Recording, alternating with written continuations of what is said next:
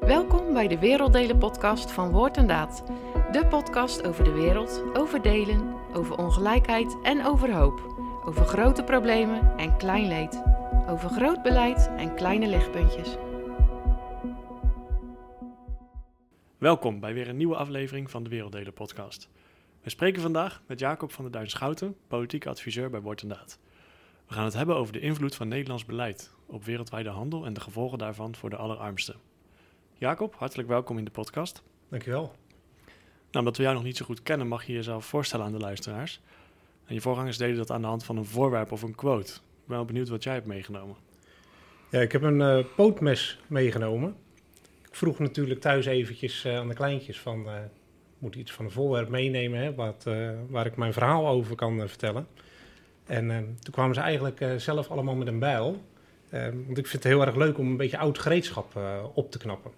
En eh, soms een stukje nieuw hout erop of eh, wat ontroesten. Dat, is, eh, dat doe ik graag in mijn vrije tijd. En nou, in het bijzonder dan de bijl is blijven hangen bij mijn kinderen. Omdat ik eh, het leuk vind om hout, laten we zeggen, te zagen, te hakken en, en ook te stoken, als ik heel eerlijk ben. Ehm, wat in toenemende mate natuurlijk een beetje onder nou, ja, vergrootglas onder ligt. druk. Ja. Ehm, maar goed, ik heb geen bijl meegenomen, maar een oud pootmes. En dat brengt bij mij weer veel herinneringen op, zoals de kinderen een bijl bij mij eh, herinneringen oproept. Ehm, en dit pootmes doet mij denken aan mijn, eh, mijn opa. Ehm, die is tuinder geweest. Ehm, en in mijn vroege jeugd eh, daar ook in die tuinderij eh, rondgelopen. En op jonge leeftijd overigens mijn opa al verloren. Hm. ik denk dat ik een jaar of zes, zeven was. Dus veel heb ik ook van de verhalen over, over opa. Wat ook altijd mooie verhalen waren van een vriendelijke man. Die toch ook wel een groot rechtvaardigheidsgevoel had. Ehm, en op een of andere manier, ehm, met name dat rechtvaardigheidsgevoel, dat herken ik ook wel eh, bij mezelf. Ehm, dus voel ik me daar eh, verbonden mee. En vanaf jonge leeftijd zelf ook bij tuinderijen gewerkt. Dus vandaar ook dat dat eh, pootmes eh, bij mij, eh, nou, daar eh, koester ik warme herinneringen aan. Ik heb deze niet eh, zelf eh, gebruikt hoor in de tuinderij. Daar is deze, eh, laten we zeggen, wat eh, te oud voor. Maar ehm, ja, dat even mijn, eh, mijn voorwerp. Ja. Mooi om eh, te horen. Leuk. Hey, maar als we jouw eh, cv bekijken, Jacob, zien we een heel afwisselend beeld eigenlijk. Je zegt net al van veel in tuinderijen gewerkt. Ik zie ook financiële sector, automotive, groente en fruit. Kun je iets vertellen over jouw expertise en hoe je uiteindelijk dan de stap naar woord en daad maakt? Ja, ja ik ben eh, gestart eh, na mijn studie bedrijfseconomie bij ING. Of eigenlijk tijdens mijn eh, studie al, met de afstudeeropdracht. En ehm, het was een moeilijke periode toen om eh, aan de slag eh, te gaan. De banen lagen toen eh, niet voor het oprapen. Ehm, en ze waren daar tevreden en, en, het was een mooie eh, werkgever. Dus daar eh, uiteindelijk eh, voor gekozen om te, te blijven hangen. Ik kreeg die mogelijkheid. En daar met veel plezier eh, acht jaar lang gewerkt. En in die periode eh, eh, kenmerkte het al dat ik vooral het leuk vond om ja, nieuwe dingen op te pakken. En eh eens even net even wat verder te kijken dan eh, eh, laten we zeggen, de anderen op de afdeling. En dat zorgde ervoor dat ik ehm, eh, daar binnen ING, ING Investment Management, ehm, eh, regelmatig gevraagd werd eigenlijk om ook eh, wat andere dingen te gaan doen. En uiteindelijk met een eh, leidinggevende een paar eh, mooie projecten kunnen trekken. Ehm, en dat, ja, laten we zeggen, dat projecten trekken, eh, dat is eigenlijk eh, eh, eh, de lijn die ik vervolgens ehm, eh, heb gevolgd. Het zijn eigenlijk eh, constant, laten we zeggen, projecten geweest eh, die ik heb opgepakt. Ehm, daarna in de eh, groente en fruit gewerkt bij de Greenery. Ehm, in de inkoop-verkoop. En dan zou je denken, nou, wat heeft dat met projecten te maken? Feitelijk niet zoveel. Maar je zag dat op het moment dat je het ochtends had verkocht, dan smiddags ging er toch weer heel veel fout in het logistieke proces. Dus dat ging ik dan weer proberen op te lossen en eh, te regelen. En daar kreeg ik in het begin een, eh, een beetje tijd voor. En, uiteindelijk werd dat daar ook een fulltime eh, job. Dus dat soort, ehm, ja, dat zit een beetje in mijn genen. Dat ik dat gewoon heel erg gaaf vind om eh, zulke dingen op te pakken. En ehm, de afgelopen anderhalf jaar nu bij Woord en Daad in echt een hele andere functie. En dat had met name ook wel te maken dat in die functie daarvoor, in de automotive sector, ehm, waar ik ook acht jaar heb gewerkt, ehm, op een gegeven moment ook afvroeg van, hè, als ik nu nog eens een keer ontwikkeling wil doormaken, qua kennis en qua kunde, daar, dan zag ik dat niet zo heel erg zitten om dat binnen het bedrijfsleven te doen. Waarbij de focus toch vooral uh, ligt op uh, meer omzet, uh, meer winst. Op een gegeven moment is dat een laten we zeggen, bezinning geweest waarvan ik dacht van het is wel mooi als je dat ook nog op andere manieren invulling kan geven. En zodoende wordt inderdaad op mijn pad gekomen in echt een totaal andere functie als politiek adviseur. nu had ik het geluk een klein beetje dat ik lokaal wat politieke ervaring mm. inmiddels had opgedaan. Maar feitelijk was het voor Woord inderdaad ook wel een beetje een risico van uh, wat halen we met Jacob nou precies, precies binnen. Dus ehm, nou, volgens mij hebben ze er nog geen spijt van en ik zie zeker niet. Maar, en je bent nu politiek adviseur en wat doet een politiek adviseur precies? Ja, heel kort samengevat misschien ehm, gevraagd en ongevraagd advies geven richting de politiek. Um, nou, de politiek, dan denken we in eerste instantie natuurlijk aan de politici in Den Haag zelf. Um, en, en, dat, en dat is ook zo. Dus we hebben van oudsher uh, goede banden met CDA, met uh, ChristenUnie en, uh, en de SGP. Ehm, vanuit andere samenwerkingsverbanden overigens ook met andere politici. maar deze drie, laten we zeggen, politieke partijen toch wel in het bijzonder. Um, maar we zien daar ook richting de ministeries dat we warme banden hebben. Vooral ook, laten we zeggen, vanuit samenwerkingsorganisaties, eigenlijk een soort brancheverenigingen voor NGO's, dat we daar ook veel in de gezamenlijkheid juist optrekken. En wat is precies um, het belangrijke om een stem te hebben richting de politiek? Wat willen we hiermee bereiken? Ja, waarom Woord en Daad hiervoor heeft gekozen, dat, is, um, dat gaat best wel wat verder natuurlijk terug de tijd in. En dat heeft met name denk ik ook wel te maken met de system approach, de systeembenadering die Woord inderdaad voor staat. Die, um, waar ze denk ik de tijd, toen de tijd ook wel wat vooruit waren. Dus die systeembenadering die geeft eigenlijk aan van uh, iedereen in een dergelijk systeem of iedereen in een bepaalde voedselketen uh, heeft invloed. En uh, willen wij als we naast de boeren staan in het veld, verandering teweeg brengen, willen we het beter maken voor die boer, dan doen we van oudsher echt goed aan om daar met die boer te kijken van kunnen we meer opbrengst krijgen per vierkante meter en kunnen we in de gezamenlijkheid, hè, door boeren in coöperaties uh, samenwerking te zoeken en meer handelingen zelf en waarde toe te voegen daar. Dat zijn allemaal hele belangrijke zaken waar Woord inderdaad mee bezig is. Um, maar ze kwamen ook wel tot de conclusie van, ja, als we niet bijvoorbeeld ook een lokale overheid uh, erbij betrekken.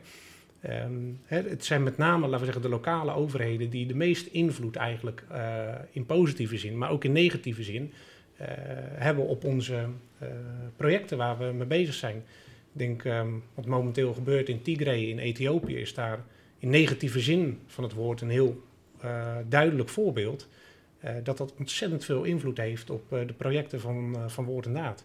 Um, dus dat is een hele verstandige keuze toen de tijd geweest, maar dat is ook ver voor mijn tijd. Om te zeggen van ja, we gaan juist ook, laten we zeggen, met dat policy influencing, het politiek adviseurswerk aan de slag. Maar dan zie ik eigenlijk twee sporen. Hè? Je hebt Den Haag en Brussel. En je hebt lokaal bij de projecten, daar heeft de overheid ook heel veel invloed. Um, ja, bedien je die allebei, zeg maar, als politiek adviseur? Of hoe zit dat precies? Ja, dat is een goede vraag, want dat is best wel moeilijk. Wij zien wel dat um, uh, onze PI-afdeling, zoals we het noemen, de, mijn collega's politiek adviseurs, de focus hebben op Den Haag, op de EU. Ehm, en een toenemende mate, laten we zeggen, ook wat adviserende rol richting de projecten in het zuiden. Um, maar daar zien we wel dat dat echt lastig is om dat goed vorm te geven. En, um, en, dat is ook iets wat wij in het beleid hebben opgenomen in de aankomende, laten we zeggen, ruim vier jaar, hè, naar 2025. Dat we daar ook meer werk van willen maken om dat nog meer op een gestructureerde manier vorm te geven. Want er gebeurt al heel veel, um, maar in mindere mate met een hele duidelijke strategie erachter. En, en uh, nogmaals, in bepaalde projecten gebeurt dat wel, maar in bepaalde projecten is dat ook verstandig om dat nog een grotere rol te geven. En daar meer ook actief bewust om, uh, op zoek te gaan naar zulke soort contacten. En, is dan nog een voordeel dat we werken met lokale partners, dat die vaak al dat soort connecties ook hebben met lokale overheid bijvoorbeeld? Ja, dat helpt daar ook. Ik denk dat vooral, laten we zeggen, het werken met lokale partners um, uh, uh, voor de uitvoering van, de projecten gewoon cruciaal is. Uh, ik ben daar eigenlijk wel trots op. Dat vind ik altijd erg leuk om te vertellen dat Woord inderdaad zelf geen kantoren heeft in het buitenland, maar dat wij echt met zuidelijk leiderschap werken en, en hè, dat we daar de expertise juist gebruiken die daar, daar is. Um, en in het geval van lobby gaat dat nog wel iets specifieker, want je ziet wel dat, um, dat uh, nou, beïnvloedingswerk um, is wel een vak apart. Dus je ziet daar dat bepaalde partners daar wel expertise op hebben, maar dat is ook weer in beperkte mate. Dus je moet daar echt op zoek gaan naar ook partners die daar ervaring mee hebben. Uh, we hebben in Nederland een uh, ministerie van uh, Buitenlandse Handel en Ontwikkelingssamenwerking. Hoe verhouden die twee zich tot elkaar? Kan je daar wat over vertellen? Ja, dat um, is ook een interessante vraag, want uh, handel en ontwikkelingszaken, um, er zijn de meningen nog wel eens wat over verdeeld. Ik denk dat het heel goed is dat het in het ministerie, laten we zeggen, gecombineerd is, dat de buitenlandse handel en ontwikkelingszaken, ontwikkelingssamenwerking bij elkaar zit. toch hoor je ook best wel wat geluiden van, met name denk ik ook wel vanuit het bedrijfsleven of vanuit eh, de wat meer ehm, rechtsere politieke partijen, dat ehm, eh, ontwikkelingslanden veel meer gebaat zouden zijn met handel. En ik begrijp dat aan zich wel.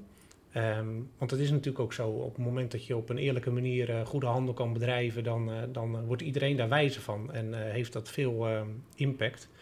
Um, maar tegelijkertijd kan je dat ook weer niet zo stellig neerleggen dat, dat je juist met handel de problemen daar of de uitdagingen daar te lijf kan gaan.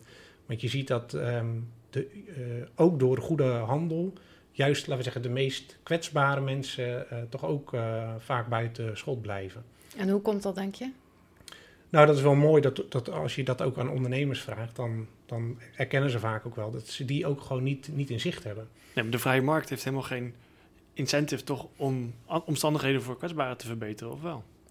Nou, de, ja, klopt. De vrije markt, daar heb ik niet zo goed uh, beeld bij. Maar wat je wel uh, ziet, is dat mensen, ondernemers, die daar echt intrinsiek gemotiveerd zijn om daar ook voor die samenleving wat uh, te betekenen, dat die het zelfs gewoon echt moeilijk vinden, lastig vinden om daar ook de meest kwetsbaren in het oog te krijgen.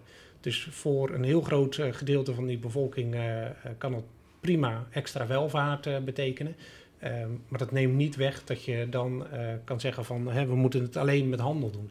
Nee, het is handel en het is ontwikkelingssamenwerking. En die twee die moet je eigenlijk niet gaan vermengen met elkaar. En, en dat is ook wel iets wat je politiek gezien uh, vaak tegenkomt, dat, dat, ze dat wel proberen te vermengen. Met als gevolg dat het ontwikkelingsbudget, waar al jaren op uh, bezuinigd is in Den, in Den Haag, um, dat daar vervolgens ook nog eens een keer heel veel uitgehaald wordt om, laten we zeggen, bepaalde handelsinitiatieven van de grond te krijgen.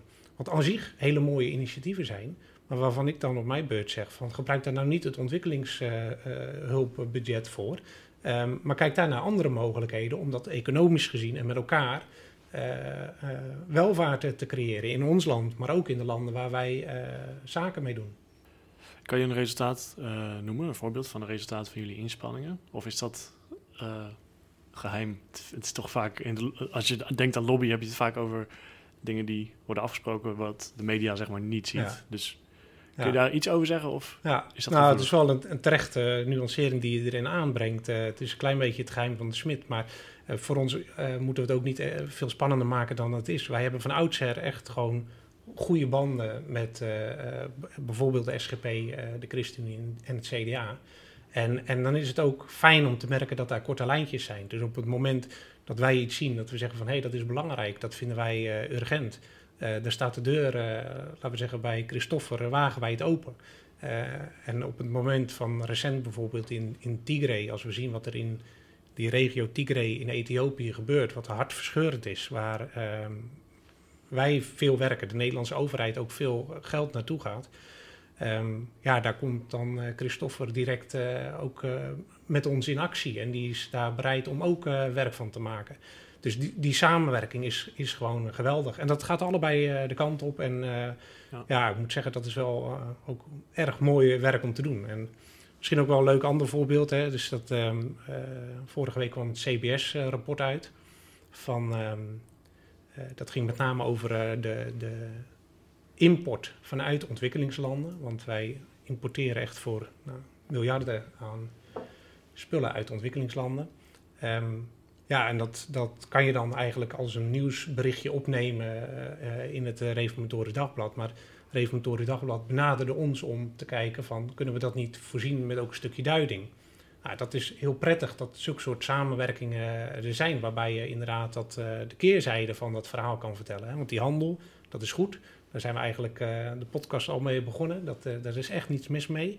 Um, soms denk ik wel eens kan het iets minder, maar over het algemeen genomen is juist, laten we zeggen, die eerlijke handel een hele belangrijke ja, laten we zeggen, schakel om, om het goed te maken voor die mensen in die landen. Ja, dan wil ik toch even aanhaken op. Uh, vorige maand werd een interessant Europees uh, wetgevend initiatiefrapport aangenomen. En daarin staat dat bedrijven verplicht worden om de invloed eh, die ze in een waardeketen hebben op mensen en milieu vast te stellen. Eh, zeg maar om meer transparantie in de keten te, ehm, te krijgen. Hoe kijk jij naar deze ontwikkeling? Ja, dat is een hele mooie ontwikkeling. En ehm, eigenlijk misschien ook wel direct een beetje antwoord nog op jouw vorige vraag. Uh, wat, wat zijn de resultaten die je hebt bereikt? Uh, en daar waren mijn, mijn, voorgangers waren er al mee bezig met het internationaal maatschappelijk verantwoord ondernemen.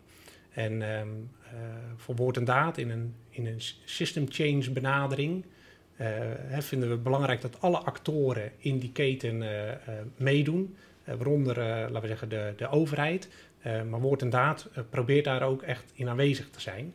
Dus uh, wij nemen ook deel aan een convenant. In een convenant, daar nemen wij als NGO, als civil society onze plaats in, maar ook het bedrijfsleven en ook de overheid.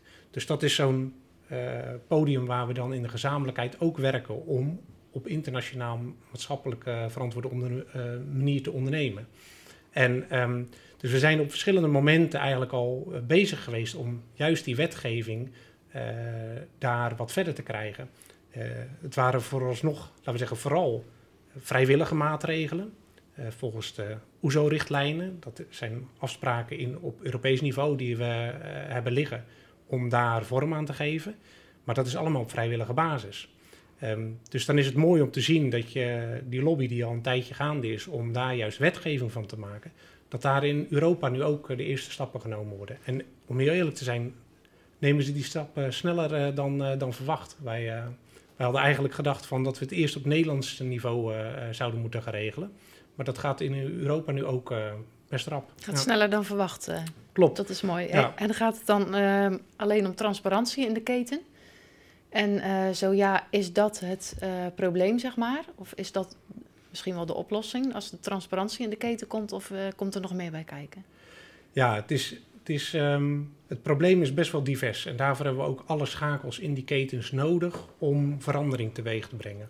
Maar bedrijven die dan transparantie geven over hun keten, dat is wel een hele belangrijke stap. Uh, en dat zal voor uh, veel impact gaan zorgen.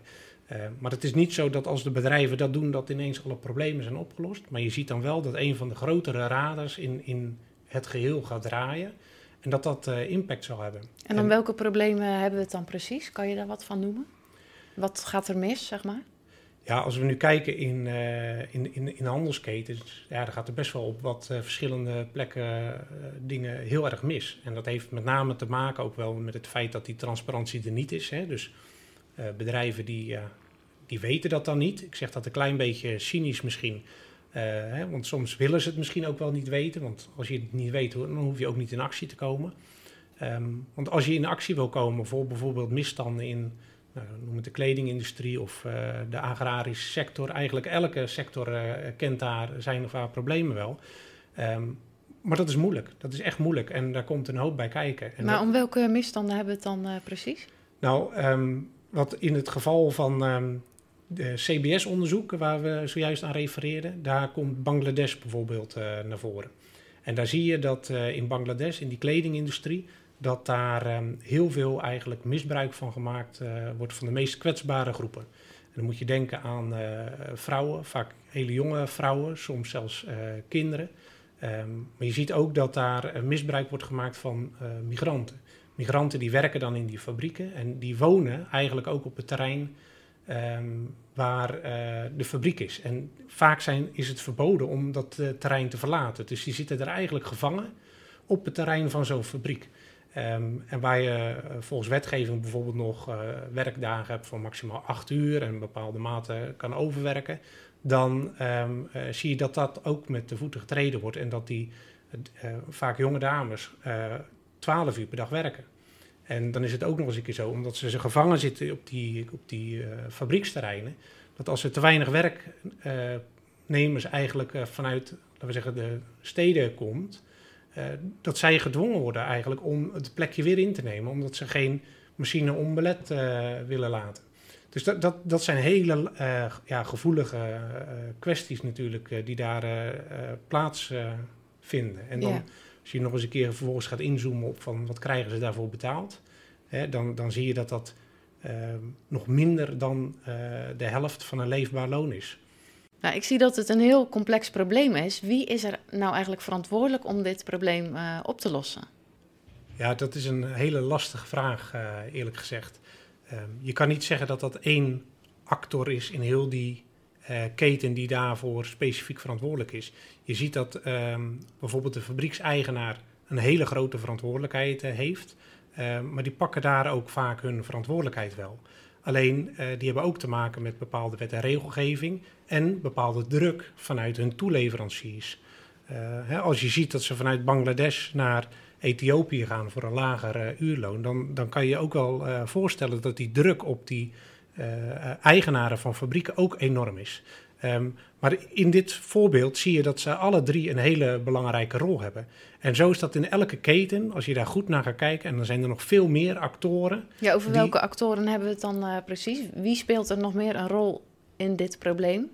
Ja, als je dat probeert uh, af te pellen, dan um, zou ik eigenlijk graag willen beginnen aan de kant van uh, de boeren bijvoorbeeld. Hè, dat zijn duidelijk de actoren en daar begint het. En die kunnen zelf ook in actie komen om die situatie beter te krijgen. je hebt daar zelfs voor, laten we zeggen, de boeren ook nog toeleveranciers die van invloed kunnen zijn.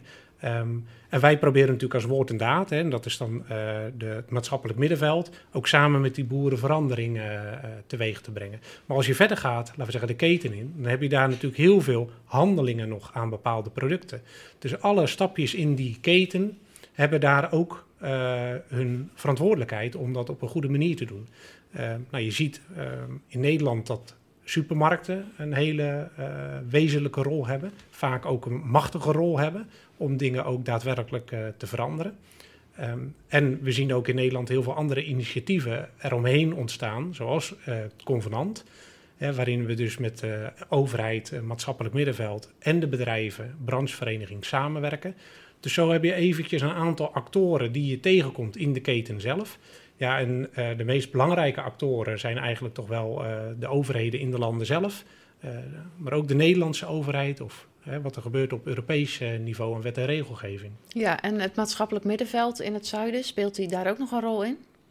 Ja, een hele belangrijke rol. En um, het is ook um, aan ons, ja, laten we zeggen, een soort missie bijna om die rol ook eh, te benadrukken dat die zo belangrijk is. Want als je als bedrijf bijvoorbeeld verandering teweeg wil brengen, uh, dan heb je zulke soort uh, maatschappelijke organisaties echt nodig. Want die weten wat er gebeurt in die lokale context.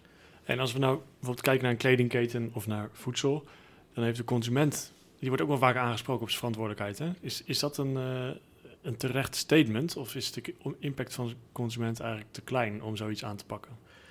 Ja, die, het eerlijke antwoord, denk ik, voor een individuele consument is dat die klein is. Maar het is wel een radar in het geheel. En als een radartje gaat draaien, ook al is het de consument of al is het een overheid, er gaat iets draaien, dan gaat er iets gebeuren. En het mooie vind ik, hè, als mensen in een winkel iets kopen en uh, aan de winkelier vragen van uh, waar komt het product vandaan en is dit een eerlijk uh, product, hè? dan ontstaat daar een gesprekje. Ja, en die gesprekken zijn wat mij betreft al super waardevol. Want als we met z'n allen veel meer van zulke soort gesprekjes hebben... en die gesprekken gaan terug, laten we zeggen, de keten in... Uh, dat mensen zich in toenemende mate gaan afvragen van... is dit nu een eerlijk product waar ik naar kijk? En wat ik heel bijzonder vind, is dat je heel veel winkels he, uh, uh, inmiddels een soort... ja, laten we zeggen, een, een lijn hebben met keurmerken, met eerlijke producten... en dan ook nog een lijn hebben met overige producten. Blijkbaar oneerlijke producten. En dan denk ik, hoe bestaat dat, hè? Dus ja. daar, daar is nog een heel denkproces nodig om in een uh, uh, maatschappij te komen met uh, alleen maar eerlijke producten. En, en daar is de consument, denk ik, echt van wezenlijk belang dat we daar meer naar gaan kijken en meer naar gaan vragen. en dan zou ik ook echt willen adviseren om dat daarmee te beginnen, maar dat ook, laten we zeggen, klein te houden. Dus pak daar één of twee producten uit waarvan je zegt van, hé, hey, hier ga ik nu eens mee aan de slag. Daar ja. ga ik me eens in verdiepen. Mooi, goede tip. Uh, maar ik, uh, om nog even op de initiatiefwet uh, voor IMVO uit te komen. Waarom komt die er nu pas? Dat had toch al veel eerder moeten zijn? Ja, ja dat um, ben ik helaas met je eens. Ik denk dat er heel lang is geprobeerd om het op vrijwillige basis te doen. Hè? Dus dat bedrijven daar hun verantwoordelijkheid nemen. en ik denk ook dat er heel veel bedrijven zijn die dat gedaan hebben of dat ook uh, proberen, hè, met vallen en opstaan. Um, maar heel veel bedrijven doen daar ook nog niets mee. Of echt te weinig. Of uh, worstelen misschien wel heel erg met het feit van hoe, hoe, hoe, moet ik dat doen? Maar het is wel een gegeven dat er in echt zeer beperkte mate die transparantie uh, wordt gegeven. En nogmaals, zo gelukkig zijn er echt mooie voorbeelden te noemen waar dat wel in gebeurt. Hè. Zo hebben wij in onze achterban ook mooie bedrijven zitten die daar echt stappen op maken. Um, maar dat, uh, ja, vanuit ons werk in de convenant, waarin we dus met brancheverenigingen en overheid werken, zien we ook echt wel dat uh, Nederland daar nog uh, flinke stappen heeft te maken. En, maar als je naar dit, dat wetsvoorstel kijkt, of dat wetgevend initiatiefrapport, dan staat er, we moeten schade vaststellen, dus een stuk transparantie, maar ook aanpakken en verhelpen. zijn bedrijven eigenlijk daar wel voor uitgerust om dat soort dingen te kunnen constateren en daadwerkelijk aanpakken in hun keten? Dat zal best lastig zijn. En um, er werd al eerder even gerefereerd aan de rol van het maatschappelijk middenveld. Ik denk dat dat juist, laten we zeggen, in die ketens in ontwikkelingslanden, waarin dat echt moeilijk is om überhaupt, laten we zeggen, te ontdekken of in kaart te, te brengen, dat je de hulp van die organisaties echt uh, heel goed kan gebruiken. En het is ook niet dat we in, in deze uh, ontwikkeling tegenover elkaar staan. We moeten dit echt met elkaar doen. En ik denk dat het daarvoor ook wel jammer is dat vaak als uh, zaken nou, escaleren of aan het licht komt, dat daar uh, uh, dat, dat negatieve reclame is voor bedrijven en dat soort zaken allemaal. Maar dan zitten we eigenlijk al in de verkeerde hoek. Want het is helemaal niet negatief. Je zou kunnen zeggen het is positief. We ontdekken dat er in die keten wat is wat we kunnen gaan oplossen. En dat is moeilijk. Het is moeilijk om te vinden, het is moeilijk om het op te lossen, maar dat moeten we echt in de gezamenlijkheid gaan doen. En zolang het daar, laten we zeggen, naar elkaar wijzen is en, en, en, ja, negatieve reclame, en dat, soort, ja, dat gaat ons niet helpen. Nee. Um, ja, ik kan me voorstellen dat er misschien ook luisteraars zijn die denken: uh, als Nederland minder importeert uit bijvoorbeeld uh, Bangladesh, waar, waar, we het nu over hebben, dan hebben die mensen daar geen baan meer. Zijn ze daar dan wel mee geholpen?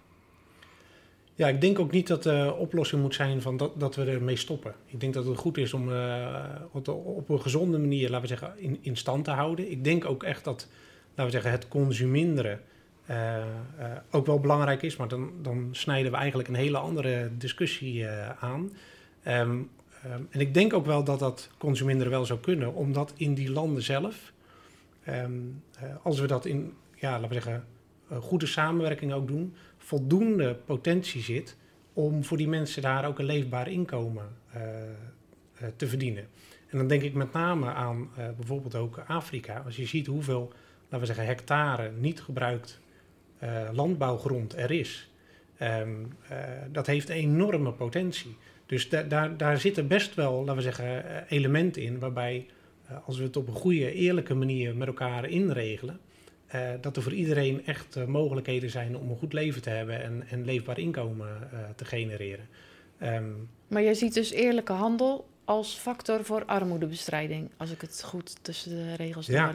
Ja, klopt. klopt. Ja. En dat is wel aardig. Daar werd ik eh, laatst nog even in eh, bevestigd. Ook eh, een mooi artikel. Iemand die bij eh, Buitenlandse Zaken ook werkt. En eh, ook eh, wat vooruitkijkt. Hè? En dat we zien dat we voor ontwikkelingssamenwerking het budget vanuit de overheid, dat er echt fors op bezuinigd is. En dat het er niet eh, naar uitziet dat dat op korte termijn heel veel beter wordt. Eh, maar dat we juist vooral moeten kijken van ja, maar dat geld wat we hebben, hoe gaan we dat inzetten? Hoe gaan we dat gebruiken?